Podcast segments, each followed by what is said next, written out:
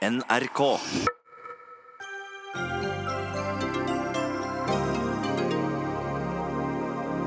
Jeg ville ikke spist den burgeren som ligger i et papir med miljøgift, sa forsker. Men forskningen hennes sier ingenting om giften flytter seg fra papir til burger. Stortingsrepresentantene unner ikke oss andre å studere mens vi er arbeidsledige, men gir seg selv etterlønn i 15 måneder for å studere. Nå skal utbryterforfattere skape ny forening, og diskuterer allerede nå hvem de kan stenge ute. Stjerneeksplosjoner styrer skyene, og skyene styrer klimaet, har danske forskere bevist. Men hva har det med global oppvarming å gjøre? Og byrådet i Oslo forbyr tiggere å sove ute. Likevel er det kø utenfor varmestua på bikkjekalde dager, så hva er poenget med forbudet?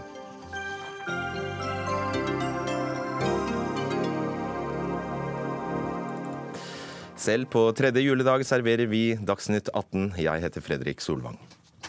Det var nok en god del som satte hamburgeren i halsen da de hørte en forsker si dette, etter at hun hadde funnet giftstoffer i emballasjen til hamburgeren på McDonald's og pommes frites-posen på McDonald's og Burger King.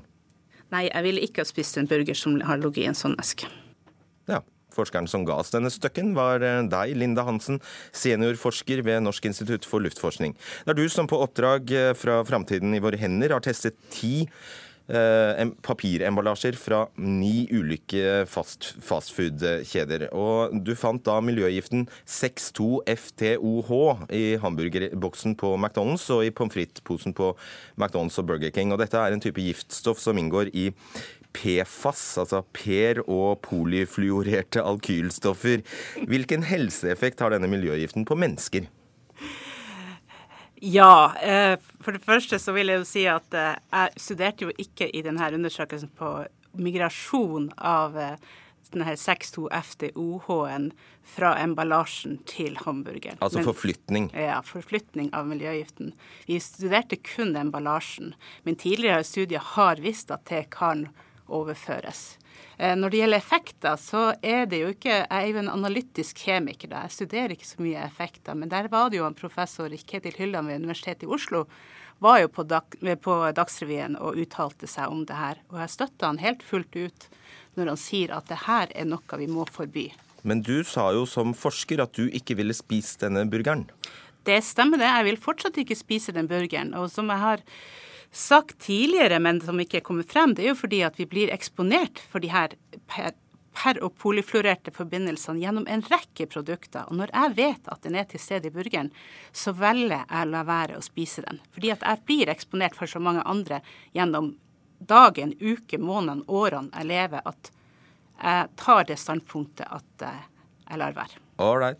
Christian Drevjon, du er professor emeritus i ernæring ved Universitetet i Oslo. Hva tenkte du da du leste eller hørte denne nyheten? Eh, Jeg syns dette er et eksempel på eh, mange eh, eh, feilinformasjoner som kommer frem i mediene stadig vekk. Og det mm, vinkles i den retning av at ting som er lett å forstå, og som er livsfarlige, de eksponeres veldig lett. Og det kommer ut eh, uttalelser all av den typen fra forskere med pompøse eh, konklusjoner som ikke er basert på deres egen måling. Hva er feilen, da? Feilen er at man trekker konklusjoner på svakt grunnlag. Og jeg vil si at eh, hvis vi skulle sammenligne med andre ting, så kan vi si at eh, det er masse giftstoffer i naturen som vi blir eksponert for hele tida. Noen av dem er kanskje farlige. Andre er antageligvis helt ufarlige. Og noen virker kanskje til og med gunstig, avhengig av hva vi ser på. Og dette er et eksempel på hvor man tar en enkelt analyse, eh, gjort på oppdrag fra en som er interessert i å få et spesielt resultat, og vinkler det i en negativ retning. Og det kommer ut som om dette er livsfarlig. Jeg vil si at eh, som, eh, hvis du sammenligner med noe som vi veit er veldig farlig, f.eks. alkoholbruk, så eh, blir dette helt feil i folkehelseperspektiv. Og dette er provoserende og misledende. Ja, det med denne grausomme salben skal du få svare på, Linda Hansen. Ja, altså det er jo ikke jeg som setter overskrifta. Det er jo desken på NRK som setter den overskrifta. Ja, Men det var du som sa du ikke ville spise burgeren. Jeg står fortsatt på at jeg ikke vil spise den burgeren. Ja, men så er sier fordi- Drevon, det har du ikke forskningsmessig belegg for. Altså, du uttaler deg som forsker, Ja. og du får det til å høres ut som forskningen din sier noe om det er helsefarlig eller ei å spise denne Her var ingen forskningsstudie som ble foretatt. Det her var en ren oppdragsanalyse av emballasje. Det er ingen forskning det som ble gjort i den studien her. Men basert på tidligere studier, så vet vi at det her migrerer over i burgeren. Og vi vet at vi er kontinuerlig eksponert for miljøgifter à la perfluorerte forbindelser. Og, er, det- ja, og det springende punkt er vet vi, eller vet du da noe om Det er greit at det migrerer, som du sier, over i, uh, over i maten, men vet vi noe om det er farlig for oss å spise den maten? Den bidrar til det totale bildet av miljøgifter vi får i oss. Det var ikke det jeg spurte om. Vet vi at det er helsefarlig å spise den burgeren? Ut ifra konsentrasjonen vi fant av 6,2-FTOH i emballasjen, så er ikke det farlig å spise den burgeren basert på den, det innholdet av miljøgifter den vil ha. Men det bidrar til det totale eksponeringa vi får gjennom alt det vi får i oss. Ja, Men du sa du ikke ville spise den burgeren. Ja, jeg vil fortsatt ikke spise den burgeren. Men det vil den- jeg ikke. For okay. jeg, jeg, tar en, jeg har tatt et standpunkt til det der. Jeg er også en forbruker. Jeg vil unngå de her miljøgiftene. Og Drevon, det er vel et poeng at selv om ikke folk dør som fluer av denne miljøgiften, så er det jo summen av alle miljøgiftene, denne cocktailen vi får i oss, som vi skal bekymre oss Men over. det, det, det er greit nok. Og jeg er ikke tilhenger av at man skal eh, spre om seg med alle mulige slags miljøgifter, særlig de som ikke er nødvendige. Så det, det er ukontroversielt. Det som jeg er ute etter, er eh, misinformasjon i forbindelse med enkeltundersøkelser, hvor man trekker konklusjoner som det ikke er hold i. Og det går igjen. Vi kan høre daglig på nyhetssendingene i mange typer studier. Og når det treffer mitt fagområde, så reiser busta seg hos meg. Bare et eh, spørsmål eh, til til deg, Hans, når det gjelder denne F2 eh, FTOH. Man vet faktisk at den giften er skadelig for noen vesener. Hvilke da? Altså, Den kan være skadelig for akvatiske, akvatiske organismer og sånne ting. Men det Hva er det for noe? det er organismer som lever i vann, vannlig miljø. Men det som skjer med den her når den kommer i kroppen er at Ja, vent, vent litt med det. Fordi, så vidt jeg har skjønt, så er det påvist at gjentatt høy eksponering for dette stoffet kan være skadelig for lever og nyrer i rotter, og at det har hormonforstyrrende effekt på sebrafisk. Ja. Er det det forskningen, eh, forskningen faktisk begrenses til? Når det gjelder de forbindelsene her, så er det jo sånn at vi kan ikke teste det ut på mennesker. Jeg kan ikke fòre dem med PFAS for å se som, hvilke effekter du får. Vi må, det har vært brukt dyreforsøk på det her. Og Dessuten så er det jo sånn at vi har vært eksponert for de her miljøgiftene siden 50-tallet. Så vi har ingen kontrollgruppe når vi foretar epidemiologiske undersøkelser for å se mulige effekter. Så vi får dessverre bare frem korrelasjoner. Det er ingen kausale sammenhenger her som vi vet kan enkelte typer legemidler kan gi. Og som forsker vet du jo ve veldig godt eh, Kjenner du disse utfordringene, Drevon? Ja, det vet jeg veldig godt. Og derfor så er jeg forsiktig med å uttale meg på tilsvarende måte. Det som eh, vi vet fra store humane studier på store befolkningsgrupper, det er at om man leter etter miljøgifter eh, og diverse forurensende stoffer, så finner man f.eks. ingen eh, markert sammenheng mellom disse stoffene og kreftutvikling. Så det er et eksempel på at det er masse andre faktorer. F.eks. typen mat vi spiser, eller hvor mange sigaretter vi røyker, som er viktigere. Eller fysisk aktivitet. Pluss at vi lever lenger.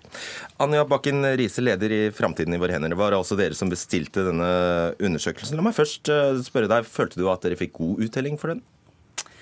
Altså, Vi eh, ønska jo å bestille den undersøkelsen fordi at vi ville finne ut av hvilke type PFAS-er, altså denne miljøgiftstoffgruppa på 3000 eh, stoffer, eh, hvilke av dem som fant seg i denne matemballasjen. Det er gjort lignende studier i EU tidligere der man har sett på miljøgifter i matemballasjen. Nå prøvde vi å finne ut av det under norske forhold. Og vi vil jo få klarhet i det, sånn at vi kan påvirke produsentene til å fjerne miljøgiftene. Grunnen Det er agendaen din. Du vil fjerne dem. Vi vil fjerne dem. Ved å påvise at det er høye verdier av dem. Uh, ved å påvise at de er rundt oss i alle de forbrukerproduktene som vi omgir oss med. Ja, det det. Fordi miljøgifter er en av de store miljøutfordringene vi står overfor. Jo, men La meg understreke det, for nå snakker vi om, om helseeffektene, og det, det må vi uh, absolutt For det var sånn saken var. Mm, ikke fra vår side. Vi tar opp det her, og det ser du gjennom vår kommunikasjon også. Vi er opptatt av det her fordi at miljøgifter ikke brytes ned i naturen. Og giftighet det er jo alltid et spørsmål om mengde. Så når vi tilfører noen stoffer til naturen som mer eller mindre ikke brytes ned, så er det bare et spørsmål om tid før det blir et problem. Og sånn som det er i dag, så omgir vi oss med miljøgifter Jeg i alt fra matemballasje til til å snakke om helse, eh, helsebiten, fordi det var faktisk sånn saken kom ut. Selv om dere kan ha ment eh, annerledes, så var det faktisk det vi hørte og leste. Jeg må, jeg må Eh, så, poengtere Fredrik Solvang, at jeg sa aldri at jeg kom ikke med noe advarsel eller løfta en som pekefinger og sa at det var farlig. Jeg sa bare jeg vil ikke spise den. Ja, og når en forsker altså, ja, eh, Greit. eh, Da var, spørsmålet mitt gikk jo da bare på om du fant det sannsynlig at når en forsker uttaler noe slikt, at det vil oppfattes som en advarsel eller et råd. Spør du meg nå? Ja, nå spør jeg, siden Ja. du Ja, altså, jeg er jo både forsker og forbruker. Ja. Eh, Det er Mattilsynet som setter kostholdsråd i Norge. Mattilsynet eh, har ikke kommet med noe eller De tar jo i hensyn til sånn toksisitetsekvivalenter og, og sånne ting. Men når jeg står på eh, Forskningstorget i Tromsø og forteller og viser hva vi har gjort og hva vi har analysert, og sånne ting, så, sier, så spør folk meg er det farlig. For det er det folk vil vite. Er det farlig? Mm. Og så da kan jeg si nei, studier viser ikke at det er farlig, men jeg vil ikke ha spist den. Jeg vil du- ikke bli eksponert Ja, for de her her Men det er farlig for miljøet. Og det, det er av den grunn så ønsker Miljødirektoratet i Norge, i Sverige, i Danmark, i Tyskland og i mange av de mest progressive EU-landene ønsker forbud mot denne gruppa av PFAS-er. Derfor blir det for meg litt sånn absurd å sitte her og snakke om dette som at det ikke er skadelig. Fordi vi vet at innenfor denne gruppen med PFAS-er, så er det andre typer av disse stoffene der det er påvist helseskadelige effekter. Og det vi ikke Stoler du eller stoler du ikke på matmyndighetenes, altså Mattilsynets vurdering av disse grenseverdiene? Ehm, altså, det er vanskelig for meg. Jeg er ikke fagperson eh, på, på dette feltet, så jeg kan nesten ikke si Jeg kan ikke uttale meg om Da er det jo rart at du kan gå inn for et forbud. Nei, fordi at vi Det er opptatt av det her. er- øyeblikk. Vi jobber med det her fordi at det er en miljøgift. Fordi at miljøgiftene totalt sett er en av de store miljøutfordringene vi står overfor. Miljøgifter er skadelig for miljøet. Derfor ønsker vi forbud, helst mot hele gruppa. fordi det som skjer i dag, det er at man går inn for forbud på enkeltvis av disse stoffene. Så bytter man over til andre stoffer som man ikke vet like mye om, og som kan ha potensielt større negative konsekvenser. Derfor ønsker vi gruppeforbud eller avgifter som kan bidra til å redusere bruken av disse miljøgiftene. Drevon, du har jo selv eh, i en mannsalder eh, eh, vært opptatt av kosthold og helse. Blant annet sukker og sukkerets, eh, sukkerets virkning. Kan du med hånda på hjertet si at du aldri har overdrevet hvor farlig f.eks. sukker er i det godes eh, hensikt? Det, det ville være eh, morsomt om du tok meg en sånn uh, løgn, for å si det sånn. Uh, jeg Jeg lagt protesterer mot ordet løgn. Ja, jo, men det trengte nå- ikke å være rettet direkte mot deg, Nå altså. var det meg han snakket til. Uh, Så, altså det som, sånn som jeg ser det, og sånn som jeg prøver å jobbe, det er at eh, når jeg skal gå ut og informere folket om hva som er gunstig eller ugunstig for helse, så vil jeg ha et skikkelig datasett som ligger til grunn. Det vil si mange typer undersøkelser som går fra det eh, molekylære helt opp til helse hos mennesket. Og det har jeg prøvd å legge vekt på. Det kan hende at jeg har gjort noen overtramp, men hvis du ser på de kostholdsråd som gis i Norge og internasjonalt i 150 forskjellige land, så er det basert på den type tankegang som jeg gir uttrykk for nå. Vi må ha skikkelig med datasett for at vi kan eh, kunne gå ut og si noe om helse. Og det som jeg hører her sånn, det er for så vidt greit, men det er ideologi. Det er, det er ikke relatert til helse. Og nå ser du på framtiden over hender, og Anja Bakken Riise. Det er jo veldig langt ifra ideologi. Det jeg sitter her og sier, er at de fremste fagmiljøene våre Én ting er eh, den fremste miljøgiftforskeren i Norge, toksiologen eh, Ketil Hylland, som også er opptatt av å få på plass et forbud mot det her, som også henger sammen med helseeffektene av det. Men Miljødirektoratet i Norge og i andre europeiske land som ønsker forbud mot dette, da skjønner jeg ikke hvordan du kan kalle det for ideologi. Jo, det er fordi at dette må ses i sammenheng. Vi er utsatt for en hel rekke forskjellige eksponeringer. Og det er sånn at det er veldig lett for en toksikolog å si at dette molekylet er farlig for de, og så deler vi på 1000 eller 10 000, og så sier vi at det er grensen. Sånn kan vi ikke gjøre når det gjelder mange andre ting. F.eks. kosthold. La meg få lov til å fullføre. Vi kan ikke stoppe å spise. Og det er okay. masse av de molekylene som vi får oss i vanlig mm. mat, fettsyrer f.eks. Visse fettsyrer er meget mm. lite heldige, mm. og likevel så spiser vi dem, for vi spiser mat. Viss, alt er giftig i en viss mengde. Altså Vann kan være skadelig for deg om du får i deg altfor mye i løpet av kort tid. Men poenget er at vi vet for lite i dag, og at vi heller da burde utøve et føre-var-prinsipp. Det finnes alternativer til disse miljøgiftstoffene. Det finnes en rekke andre fastfood-kjeder i Norge og rundt omkring som ikke benytter seg av de stoffene. Da burde også Burger King og McDonald's gå foran og slutte er, ja. å bruke disse stoffene i sin matemballasje. Ja, skal bare understreke at de to du nevnte der, er selvfølgelig invitert hit. De ønsket ikke å, å, å delta. Siste spørsmål til deg, Linda Hansen. Det er uh, forsøksvis uh, faglig. Altså, lengden, altså tiden hamburgeren ligger i denne esken De fleste som det ligger i ordet fast food. Den ja. ligger ikke der veldig lenge. Nei. Det må jo ha noe å si om den ligger der i ti sekunder eller i en time eller et døgn. Klart det har det. Det ville du jo kunne fått svar fra, fra Nofima, som gjør sånne migrasjonsstudier. Dette er avhengig av fettinnhold, det er avhengig av tid og det er avhengig av temperatur. Det ble ikke gjort i denne studien her, men vi vet at det vil kunne påvirke hvor, lang, hvor, kjapt det går over. Men la oss si da uh, La oss si at den ligger der i ti, ti sekunder. Vil du Altså ville, det, ville, ikke det, ha, ha, ikke, ville ikke det hatt innvirkning på hvilket råd du kunne gi som, også som forbruker?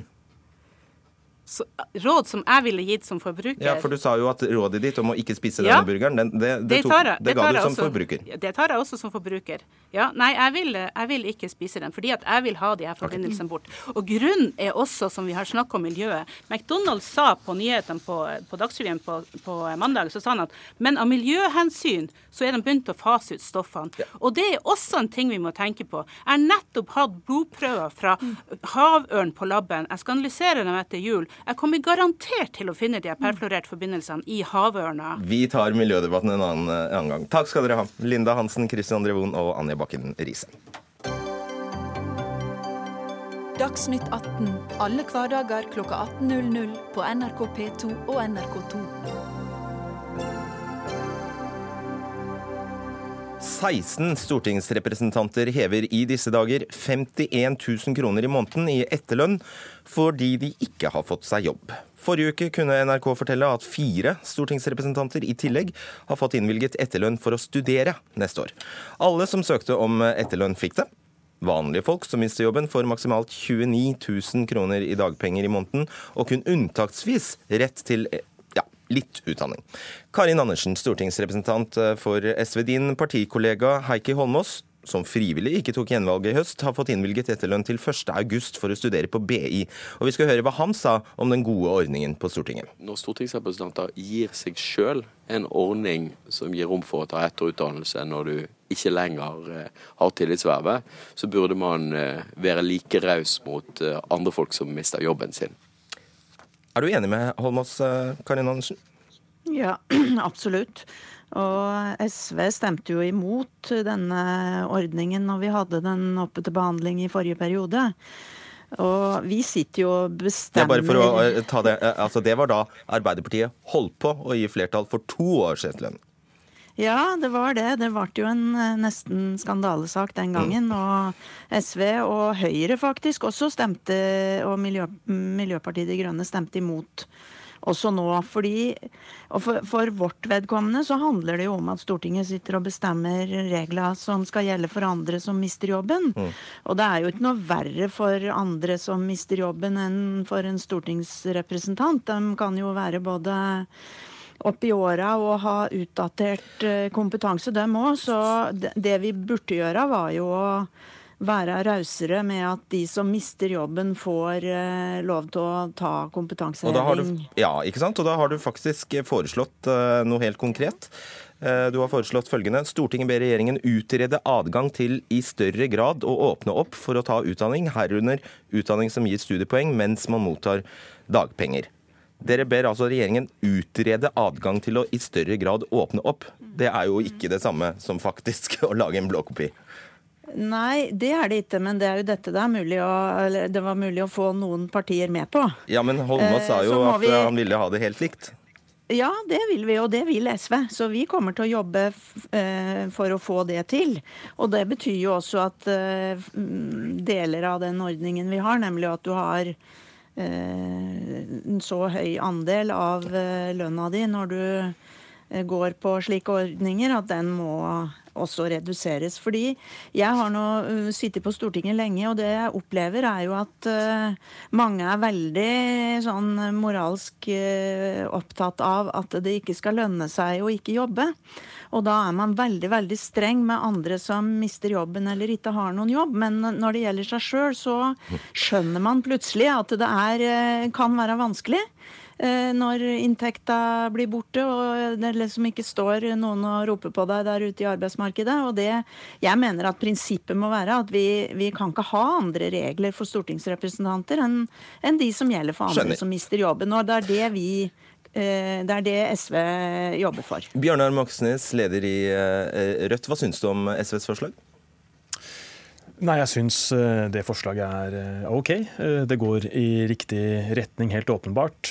Problemet her er jo at Stortinget har en helt annen ordning enn det arbeidstakere flest har. Altså, vi på Stortinget vil jo få tre måneder med full lønn hvis vi blir, får sparken da, av velgerne ved et valg.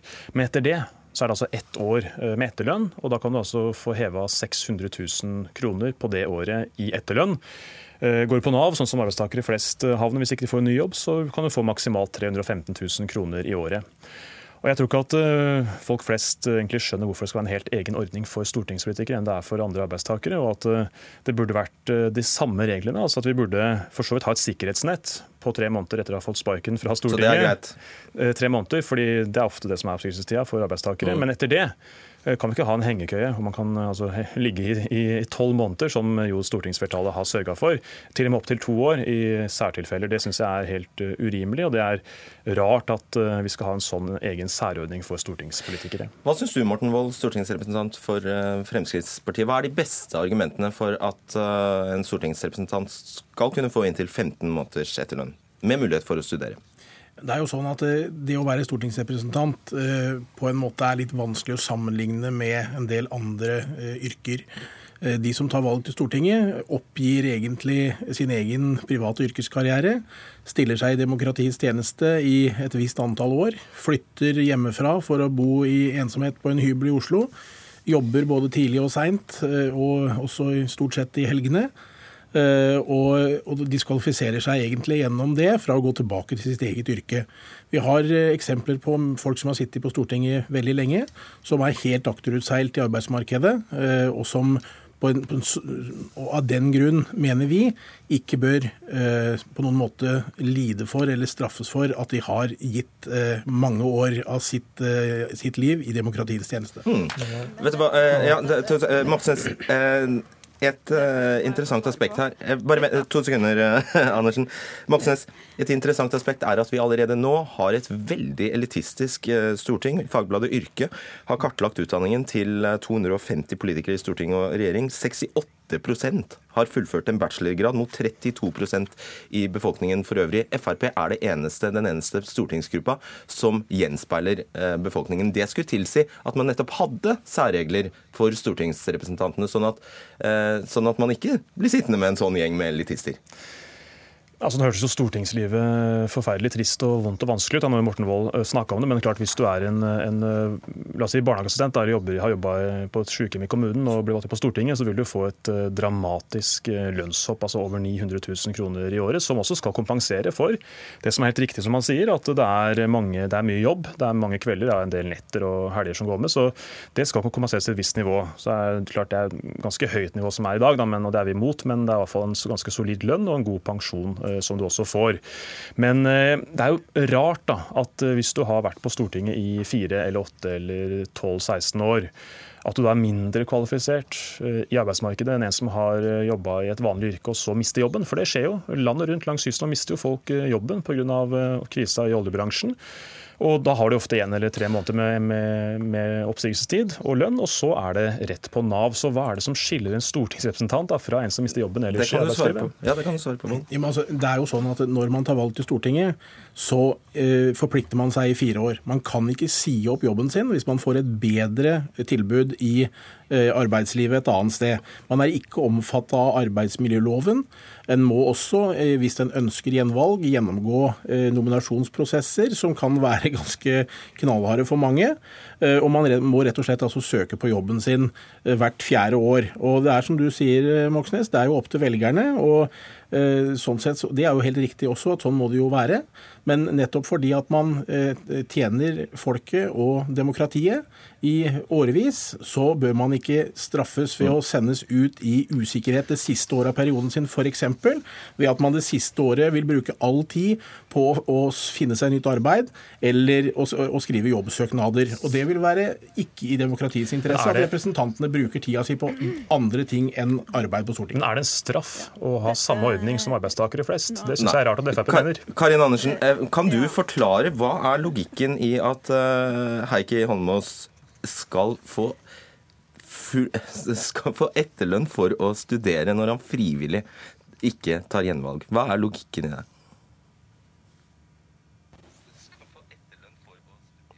Oi, nå skjer det noe teknisk krøll her, kanskje? Nei, det kan ikke Nei, det. jeg forklare, for jeg har stemt imot ordningen. Så det må noen andre forklare. Burde ikke Men... han avholde seg fra å bruke ordningen hvis han er prinsipielt imot den? Hallo, ja. ja, nei, Jeg skjønner ikke hvorfor du ber meg om å forklare det. For vi, men, men, nei, unnskyld, det må du spørre han om. Men det jeg kan forklare litt om, er jeg er vel den som har sittet lengst på Stortinget nå. Jeg har vært der i 20 år. Jeg kommer fra yrket som barnehageassistent. Så jeg er jo selvfølgelig en av de som er ganske akterutseilt i forhold til jobb. Men det å komme på Stortinget, det er altså helt frivillig. Og det er et privilegium. Det er ingen lidelseshistorie, og det er godt betalt. Og jeg syns det er helt skammelig at vi som sitter der og skal bestemme over andre folk som har et langt vanskeligere liv enn det vi har, som jo er privilegerte å få lov å være med å bestemme og og har eh, alt på stell, at vi skal ha mye strengere regler overfor andre enn oss sjøl. Hvis vi har sittet på Stortinget i mange år, så har vi hatt god økonomi i mange år, også muligheter til å ordne oss. Så her, hvis vi ikke kan tåle med de, regl de reglene vi bestemmer for andre, så får vi endre de reglene vi bestemmer for andre også. Det er ikke noe verre for oss enn for andre som kan miste jobben etter mange år i yrkeslivet. og være ganske utdatert i forhold til alle andre jobber. Så her er det ikke noe forskjell. Morten, Men det å øke kompetansen til de som blir arbeidsledige, det bør vi virkelig gjøre. Mm. La meg ta et annet helt konkret eksempel, Morten Wold. Vi har 27 år gamle Erik Skutle i Høyre, som var vararepresentant denne forrige perioden fra Hordaland, møtte fast for Erna Solberg. Han får altså etterlønn eh, fram til 1. august. 27 år gammel. Hvorfor? Det er jo fordi at Stortinget har fastsatt at regelverket er sånn. Eh, og så er, ja, opplever men... vi jo at noen ønsker å eh, endre på det, og det er, jo, det er jo lovlig det, å ønske det. Men vi mener jo altså Det er klart Skutle er jo i 27 år og i en alder som gjør at han sannsynligvis er attraktiv i arbeidsmarkedet. Den som har sittet på Stortinget i mange år, eh, og som kanskje ikke er det, har et større behov. Vi hadde et eksempel nå. En representant som gikk ut etter 16 år. Han var altså da skrivemaskinreparatør.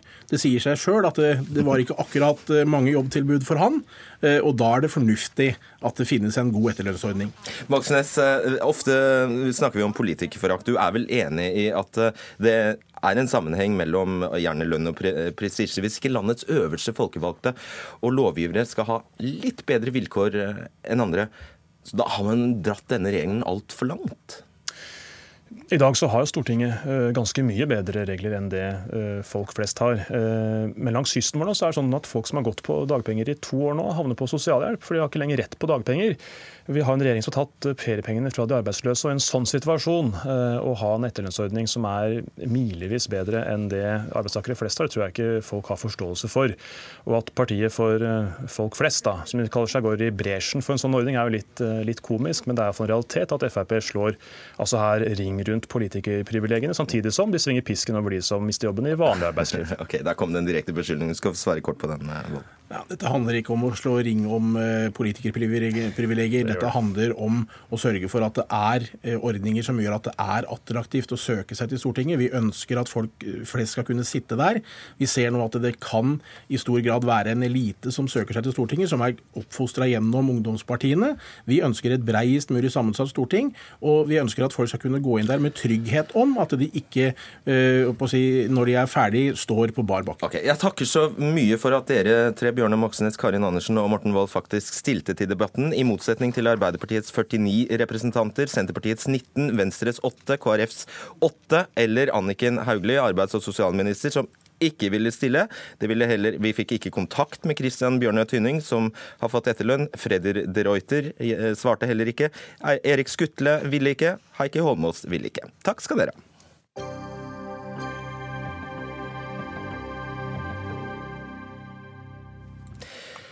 Fabelprosalauget, Nordnorsk Forfatterlag, Norsk Audiovisuell Oversetterforening, Norsk Biografisk Selskap, Norsk Bokmannslag, Norsk Faglitterær forfatter- og oversetterforening, Norsk Fagoversetterforening, Norsk Forfattersentrum, Norsk Oversetterforening, Norsk Revyforfatterforening, Norsk barne- og ungdomsbokforfattere, Norske barne- og ungdomsbokforfattere, Norske Dramatikeres Forbund, Trøndersk Forfatterlag og ikke minst Den norske forfatterforening.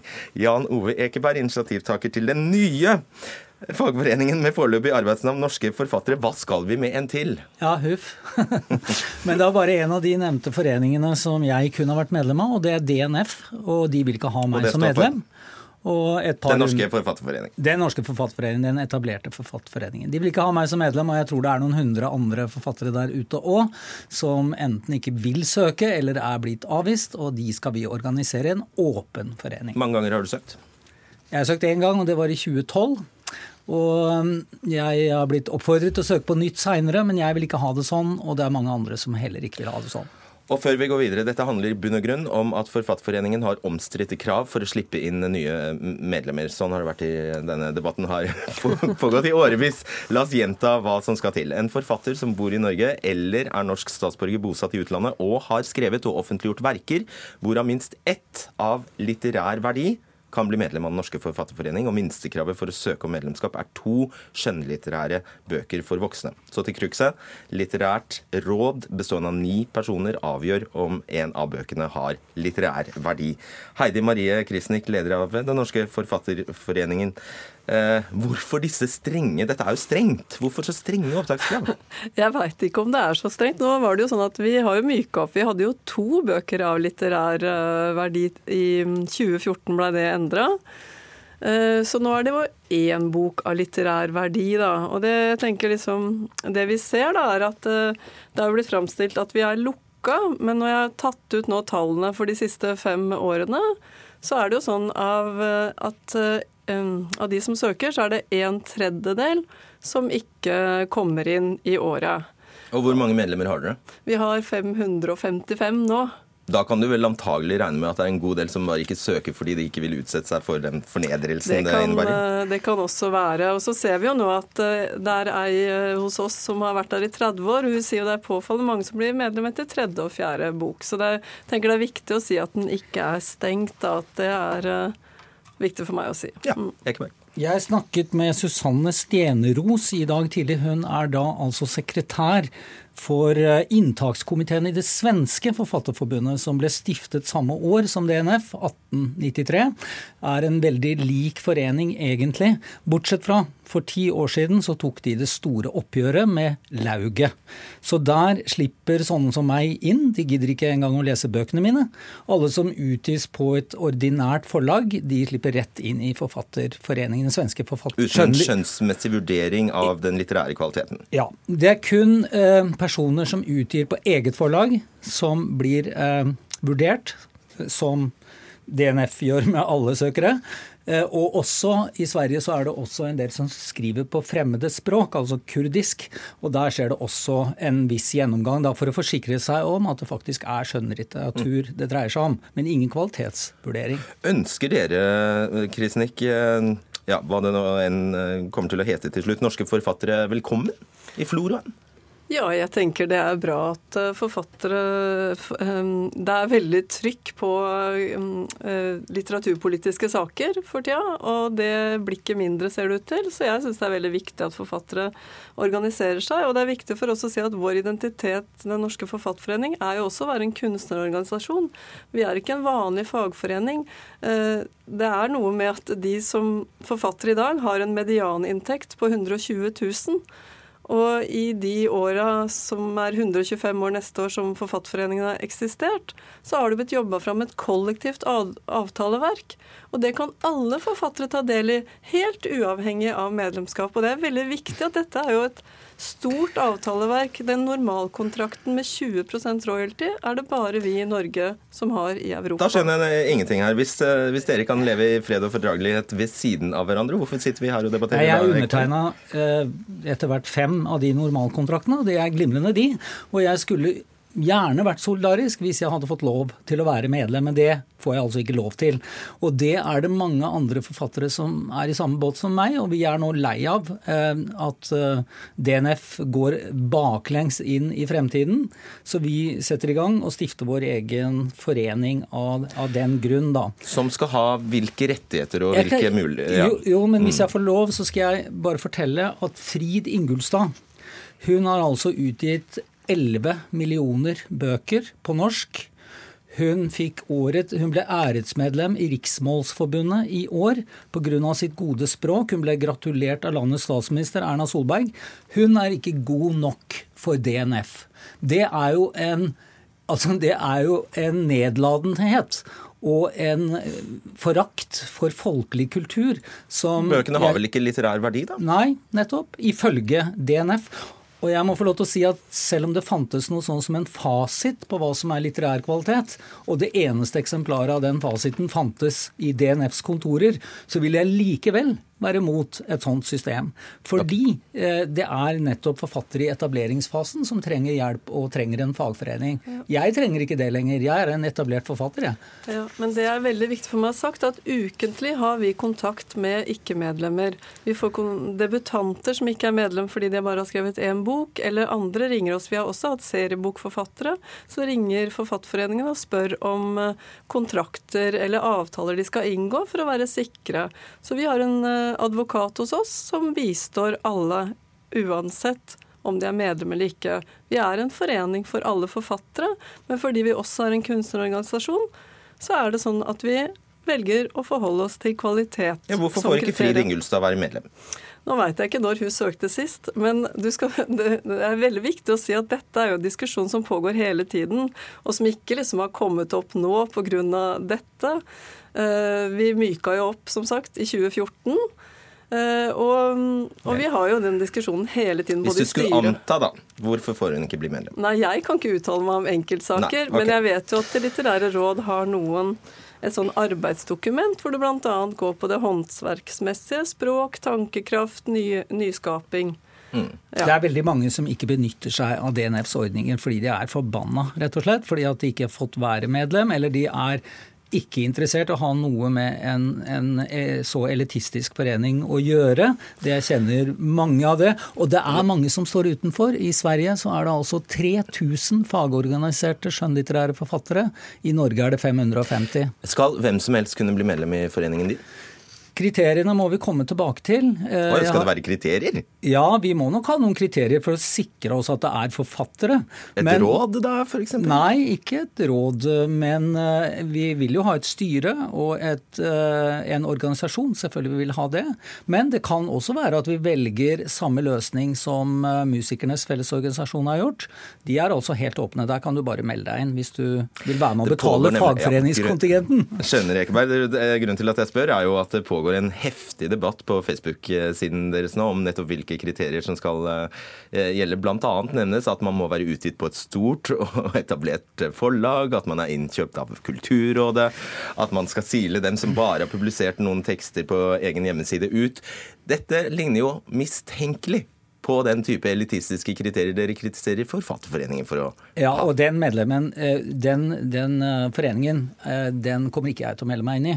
Fordi det som står i vårt opprop, som jeg er da en av tre undertegnere av, det er at dette skal være en åpen forening for alle skjønnlitterære forfattere, uavhengig av sjanger, og det blir ingen kvalitetsvurdering. Og det skal være kriterier som er mulig å, å se på forhånd. Du skal kunne vite om du vil kvalifisere til medlemskap eller ikke. Jeg vil bare til slutt dreie dere inn på, fordi det, det, i tillegg til å være en, et laug og en, en, fagforening, så har dere, det følger jo rettigheter og privilegier med. Hva er det du frykter mest?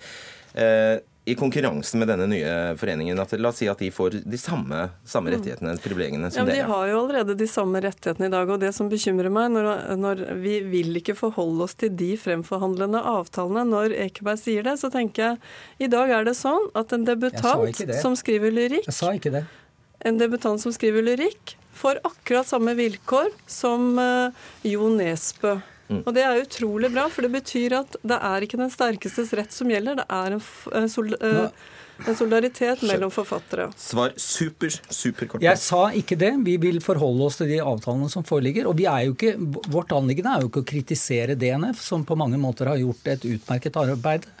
Men vi ønsker en forening hvor alle kan være med å bidra til utformingen av vår bransje. Og det er ikke DNF er ikke åpen for alle. Ålreit, takk. Jan Ove Hekberg og Heidi Marie Krisnik.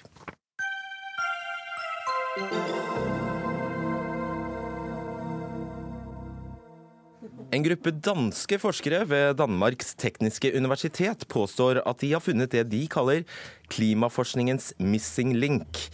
De har påvist at kosmisk stråling, og her eh, utsetter jeg meg for eh, Ja, her kan det godt hende jeg må bli korrigert, men jeg prøver meg. De har påvist at kosmisk stråling etter eksploderende stjerner forsterker dannelsen av aerosoler, altså luftbårne partikler, som vann så kan bruke for å danne skyer. Og forskerne mener de har vist hvordan små aerosoler kan vokse seg store nok til å danne skyer. Jan Erik Solheim, professor emeritus på Institutt for teoretisk astrofysikk ved Universitetet i Oslo. Det er altså den danske forskeren Henrik Svensmar som står bak denne oppdagelsen, som er publisert i det prestisjetunge tidsskriftet Nature Communications. Og dette innebærer altså at klimaendringer påvirkes av en kombinasjon av kosmisk stråling fra eksploderende stjerner i Melkeveien, solens aktivitet og skydekke her på jorda. Hva er så oppsiktsvekkende med det? Ja, bare for å korrigere deg litt. Jeg er fra Universitetet i Tromsø. Der har jeg hatt min uh, akademiske karriere. Det som er oppsiktsvekkende her, er at dette er resultatet av et langt og tungt og vanskelig prosjekt å gjennomføre. Det er veldig klassisk i, i, naturvitenskapen at man får en idé, at det er en sammenheng i dette tilfellet mellom det som skjer på sola og det som skjer på jorda. Og at det er skyene som gir denne sammenhengen. At skyer kan endre temperatur veldig raskt når det skyer over, vet vi. Og så lager man en hypotese, og så prøver man å verifisere denne hypotesen. Og det har de holdt på med i 25 år, og nå har de endelig fått et resultat som de mener er et bevis på at denne hypotesen kan bli en teori som binder sammen det som skjer langt under universet, at supernovaer eksploderer. Eksploderende stjerner? Stjerner eksploderer og blir til supernovaer. Partikler kommer inn i jordas atmosfære og treffer partikler, små partikler høyt i atmosfæren og får disse til å vokse til dråper som danner skyer, og som skygger for sola. Og, og da, da er det sånn at hvis sola er aktiv, så sperrer den for mye av den kosmiske ja. strålingen. Og hvis sola er passiv, motsatt, da slipper det mer stråling ned til uh, oss. Og da mener Hvilken fase er vi inne i da? Vi, akkurat i dag så er vi inne i en fase hvor sola holder på å bli litt svakere. Vi har en periode på omkring 200, vel 200 år, og vi er på starten av en lang nedtur Så vi ser foran oss et gedigent eksperiment som naturen utfører, nemlig med å gi oss litt svakere solstråling, litt svakere solaktivitet utover dette århundret. Så nå kan vi sammenligne det med andre teorier for hvordan klimaet endrer seg. Okay. Bjørn Halvard Samset, forsker ved Cicero. Du nikket til stort sett um, alt uh, Solheim uh, sa her. Så du er enig, er, er, du enig i at dette er god, interessant, nyttig forskning? Absolutt. Dette er uh, veldig spennende. Altså, vi, vi, vet jo at det finnes små partikler oppe i atmosfæren. Mange av dem er fra, fra naturen. Altså, det er snakk om støv og sjøsalt. Alle sånne små, som, typiske støvkorn som, som svever rundt. En del av dem lages av skoger og alt. En del av dem er også vår egen forurensning. De partiklene de er med på å danne, eller på, på, å påvirke hvor hvite skyer blir. For jo flere partikler det blir, jo mindre blir skydråpene. Da, da, da, blir det hvite skyer. Det er en av de, de naturlige prosessene i, i, i, naturen. Det er også en av de vanskeligste for oss å, å studere. Mener, hvor, hvor, hvor, hvor, ofte har du vært og svevet rundt der oppe og sett på skydråpene? Det, nei, det er ingen forskere som har heller. Så dette er veldig vanskelig.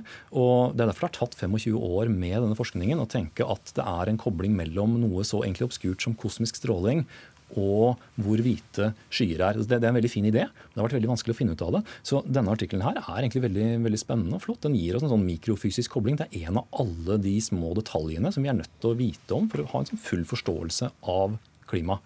Der hvor vi kanskje blir mer uenige, er når vi skal snakke om hvor stor effekten er på den faktiske temperaturen på jorda. Ja. For Det er nok en av de effektene som i prinsippet kan ha en effekt, men så må man komme inn og se hvor sterk er egentlig effekten. La oss vente litt, bitte litt med, eh, med det.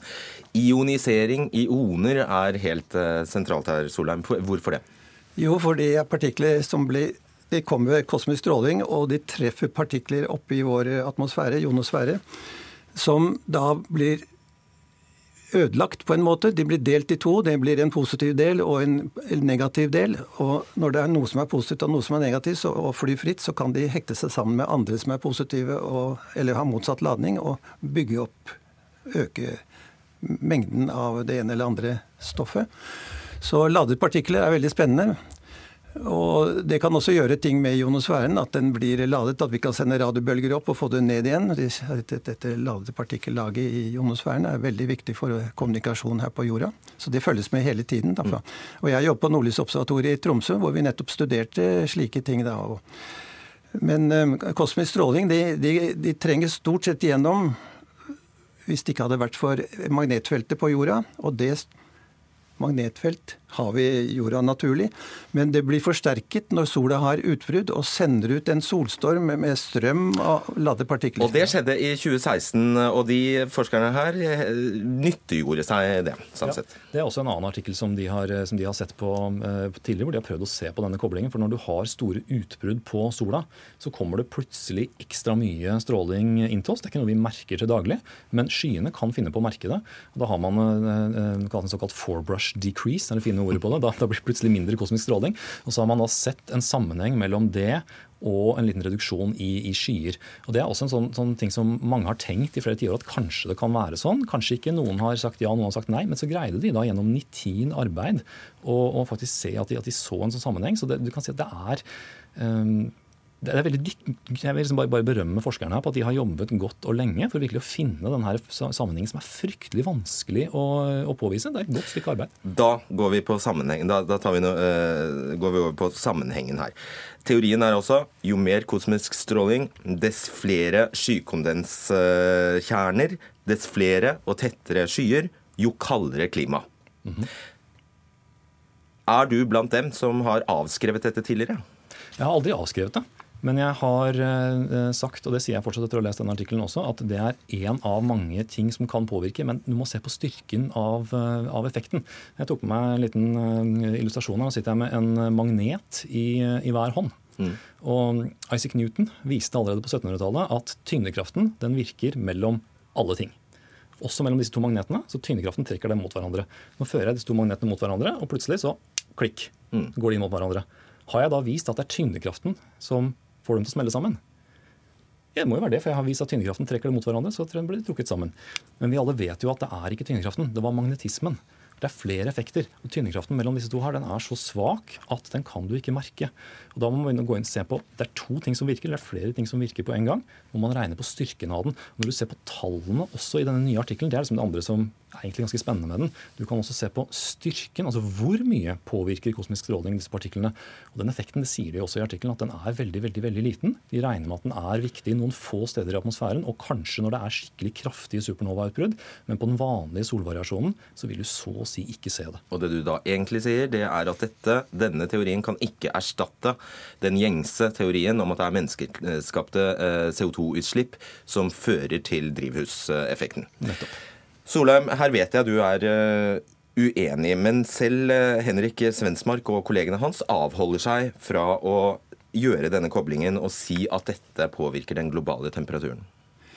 Ja, De avholder seg ikke fra det. De sier at de La oss se tilbake i historien. La oss gå 1000 år tilbake, så har vi hatt lange perioder hvor det har vært kaldere på jorda. Vi kaller det en lille istid f.eks., som startet omkring 1350 og varte i 1850. I den var det to lange perioder hvor det var veldig liten solaktivitet. Og det dypeste var på 1600-tallet. Monder minimum kalles det for solforskere. Og så historisk sett, og man ser også i eh, ark eh, arkeologiske undersøkelser og i geologiske undersøkelser at det har vært lange perioder hvor det har vært vesentlig kaldere på jorda, og da har det vært veldig lite kosmisk stråling. Så det er en sammenheng mellom kosmisk stråling og temperaturen på jorda. Den er fast i Så stor at den kan erstatte teorien om CO2-utslipp? Ja, det sier jeg, ja. At, det sier du. At den styrer jordas temperatur på lang sikt. Og hvorfor skal den plutselig ikke gjøre det nå de siste årene, når den har gjort det i millioner av år?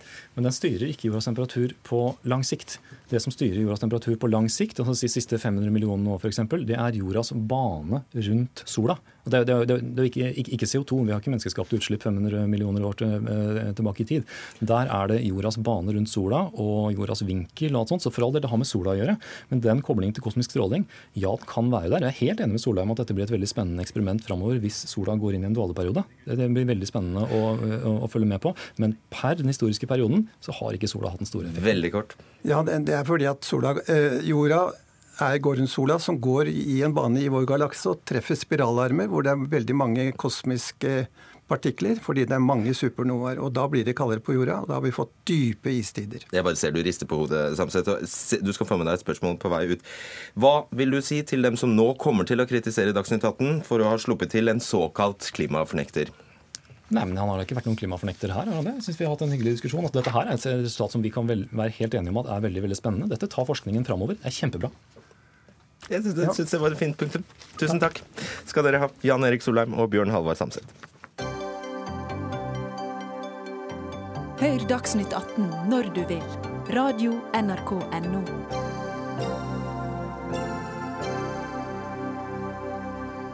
For drøyt fire år siden vedtok Oslo kommune å gjøre det forbudt å sove ute i hovedstaden. Og Bakgrunnen for forbudet var den økende tilstrømmingen av utenlandske bostedsløse og ordensproblemene og forsøplingen det førte med seg.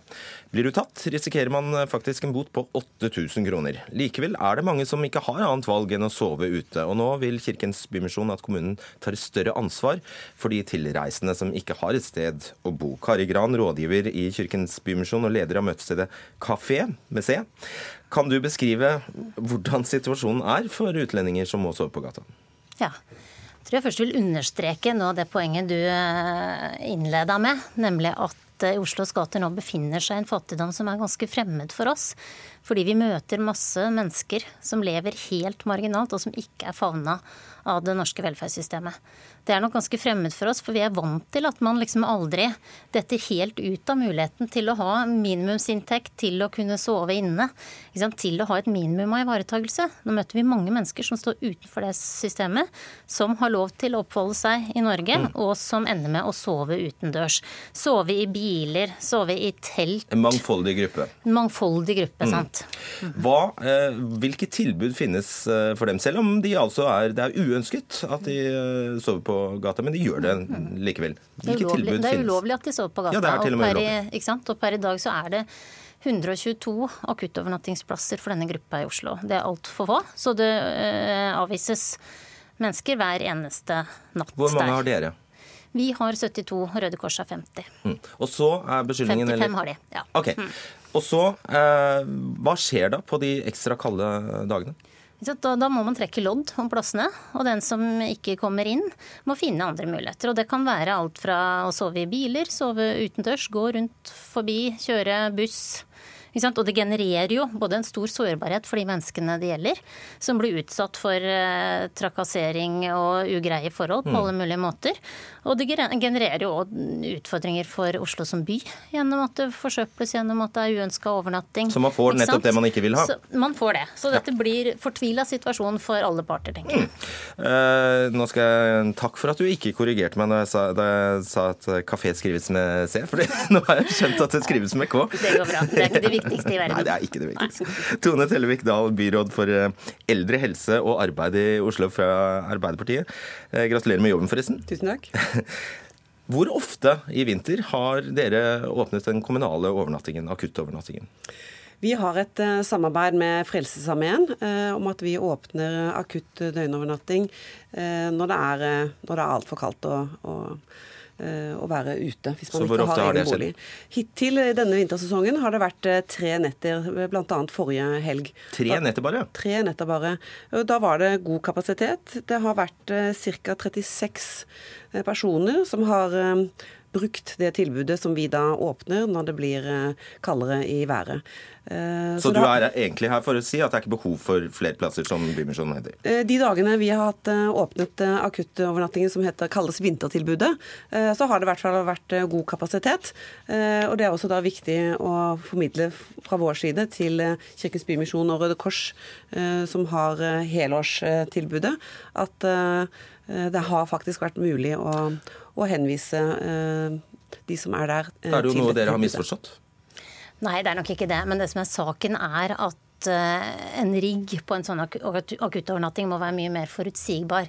Dette at vi f.eks. sist helg fikk beskjed kvart over to om at mens vi stenger klokka halv fire, det, om at det åpner til helga, det gjør jo at vi budskapet nok ut. Vi rekker rett og slett videre, ikke å fortelle, fortelle, til folk at det er åpent. Det er liksom det ene. Og det andre er jo at det tar litt tid å liksom finne ut av hvor er det, hvordan liksom, er dette rigget, er det sikkert at det er åpent? Eh, for det er jo jungelen som vi da blir liksom henvist til i stor grad så er jeg helt sikker på at dersom man lager liksom en annen rigg på dette, eksempelvis sånn som vi ønsker oss, at man i Norge skal kunne sove inne mellom 1.11. og 31.3, da vil det være forutsigbart og klart. og Man vil vite sånn? hvor man skal henvende seg. Ja. ja. Hvorfor er det ikke sånn? Ja, hvorfor er det ikke sånn? I utgangspunktet så, så er det jo slik at uh, tilreisende, særlig EØS-borgere, de har en plikt til å kunne Eh, ja, forsørge seg selv, eh, selv om de er Så vet vi at det ikke er det som skjer. Det er helt riktig. Og det er også derfor jeg er så glad for at vi har et tett og godt samarbeid med den store frivillige sektoren i Oslo kommune, med bl.a. Bymisjonen, som er en veldig stor aktør. Hvorfor er ikke dette et åpent tilbud vinter, på vinteren? Fordi man først og fremst har et ansvar selv for å skaffe egen bolig. Men fordi vi vet at ikke alle er i stand til å gjøre det, så er jeg veldig stolt over at i 2017 så har vi altså økt eh, overnattingskapasiteten med 30% Så du har et um, prinsipp som du ah, fraviker eh, litt, eller hva? Ja, for vi kan ikke liksom legge, legge til rette for Du kan ikke være helt umenneskelig? Nei, men, nei, vi ønsker å være en åpen, og raus uh, by. Og jeg er veldig stolt over at vi som kommune velger å bruke kommunale midler på døgnovernatting på de tilbudene som Bymisjonen og Røde Kors har, som i utgangspunktet er bare statlig finansiert. Det har gjort at vi har kunnet øke kapasiteten med 30% nettopp fordi vi har sett at vi har hatt Fra 100 til 130, skal sies. Cirka, ja. ja. Mm. Uh, nettopp for å uh, sikre at folk skal slippe å sove ute. Kari Gran, kan du se for deg den situasjonen hvis eh, budet gikk ut om at i Oslo, der får du gratis og varm og god overnatting. Bare kom. Hele vinteren. Folk kommer ikke for å sove i Oslo, ikke for å dusje eller gå på toalettet heller. Nei, De kommer, kommer kanskje for å tigge, for... og så får de gratis overnatting. Folk kommer for å ha en inntekt. Mange kommer for å jobbe. Mange av de som sover utendørs, jobber i ulike sammenhenger i Oslo. Noen tigger, noen samler flasker. Det er helt sant. Men det som er saken, er at vi må ta inn over oss at vi er en del av et Europa i krise. Med stor arbeidsledighet, mange steder man har arbeid man ikke kan leve av fordi det er for lavt lønna. Altså prekær situasjon i mange europeiske land, og man har lov til å bevege seg til andre land i forsøk for å, på å tjene penger. Det er grunnen til at folk kommer, ikke for å sove. Og det vet du, det vet vi jo. Det vet vi, men det er ikke nødvendigvis alle som kommer hit som vet om hvilke forpliktelser og forventninger eh, man har til de som kommer på besøk. Derfor har også dette byrådet økt satsing på informasjon eh, om eh, hvilke tilbud som finnes, og hvilke plikter og forventninger europeiske innbyggere har til hverandre når det gjelder å ha Likevel kommer de til Vikdal? Likevel kommer ja, og de er hjertelig velkommen. absolutt. og vi er verdens beste land. Vi blir jo kåret av, av FN til det hele tiden. Og jeg er også veldig stolt over at I denne saken måles vi på hvordan vi tar, tar, tar vare på de alle de Helt, nederst ved bordet. Og Det er derfor vi har som kommune valgt å bruke offentlige midler på å øke kapasiteten på døgnovernattinger utover det staten gir. Okay. Vi har også gitt midler til Frelsesarmeen for ja. å utvide kapasiteten på dusj ja. og toaletter ja. og andre ting som er viktig eh, også i dette bildet. Det var det vi rakk. Sorry. Takk skal dere ha, Kari Gran og Tone Telvikdal. For vi må skuffe dem som trodde at vi satt her eh, og lagde denne Dagsnytt 18-sendingen på tredje juledag. Dette var et opptak. Ansvarlig for den var Dag Dørum, Frode Thorshaug og Fredrik Solvang.